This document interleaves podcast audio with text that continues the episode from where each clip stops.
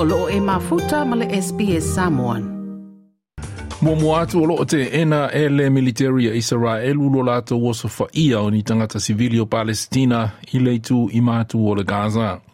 E tu sae manisi o ripoti e ova i le toa se lau se fulu tangata ua maali liu, ma le ova i le lua se lau ua maanunua o tangata narolofi i se nofuanga na tu fai mea ai o fesoa soani. na tā ua e le pūlenga le Gaza ma nisi ina iai o loli e tolu se fulma le valua fesoasoani na wha moe moe i le a ai bulsi ai na ta ai e fita fita a Israelu. Pei tā ia ese le whamatalanga mai le sui o le military a Israelu, Rear Admiral Daniel Hagari. As this vital humanitarian supplies were making their way towards Gazans in need, thousands of Gazans dispensed upon the trucks. Some began violently pushing and even trampling other Gazans to death, looting the humanitarian supplies. The unfortunate incident resulted in dozens of Gazans killed and injured. Le suyo la militaria Israelu, Rear Admiral Daniel Hagari. E tō tele leo leo i Rusia, ua whaatunu ina e āwai i toe sāuninga o le sā avea mata i tai o le tua ngai i le atunu u Alexei Navalny. O Alexei Navalny na maliu ai o tulis o na whaasalanga i se fale pui pui le Arctic, ma o na toe sāuninga o le āwhaia i se malu malu o le ekalesia i se sā e Moscow, o na lango mawai lea i le Boris, uh, Boris Zofsky Cemetery i le laumua o Rusia i Moscow. Na se tangata anu ua Moscow le tūlanga o iai i le malosi o le o toe sauninga o Alexei Navalny. I was just taking a walk around here and decided to change my route and check out what was happening here. I see plenty of police around the cemetery. It's rather strange. I've never seen such a thing. It's unusual. It's like they're on edge. i nisi o tala ua faaalia e uni e, e tangata whainga ruenga i New South Wales. Ni fuafuanga e whaaititi ai le au whai o masini poka i le setete.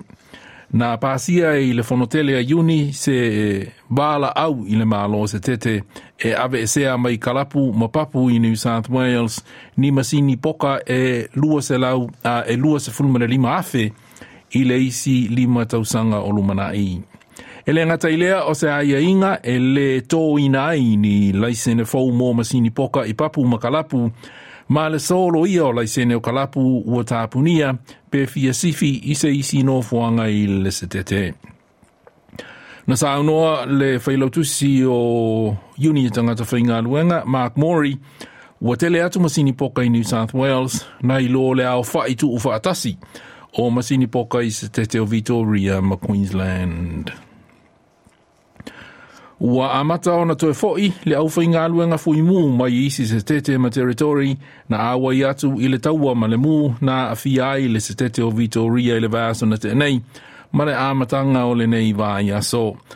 O le tele o le mu na afia i vao matua manisio a ai e lata i le taulanga o Ballarat ma o lo fenga i le fui mu i Vitoria ma se mu i Bayendine. na faaalia le se tete o Vitoria Jacinta Allen le le galuega na ma le There has been hundreds and hundreds of firefighters out on the ground and in the air. And when you consider that that fire has burnt 22,000 hectares, it's got a 165 kilometre fire front, that speaks to the great work of people, as I said, on the ground and in the air for managing that fire. le palemia e se tete o Vitoria Premier Jacinda Allen. Ua whaamalo si atu la fono maa ia e inga ele malo tele i le pui puinga o le sao mai ma le whaao ina o le sikaleti asu po o le vaping i awisetali nei. Ua whaalia le awa iai ma whaala potopotonga soli tu la fono po o organised crime i le whaatawina o sikaleti asu. A fa ato a lua masina ua alu o le tausanga le nei, ai ua ova i le tolu se lau ono se fulu afe i a sigaleti vapes. I se tau e se, la, e se fulu maletasi miliona tā la, na maua mawhāoa e le pūlenga o le puipuinga o tua oi, le Australian Border Force, a toa ai Male Therapeutic Goods Administration.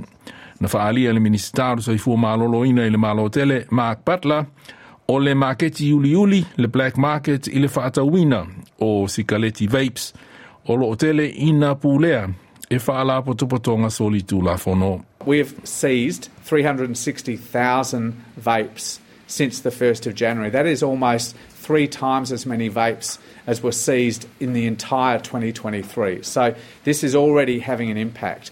But we also, on the ground, need to outlaw the sale and supply of all vapes, except those that are approved as prescription vapes and have a permit from the Office of Drug Control.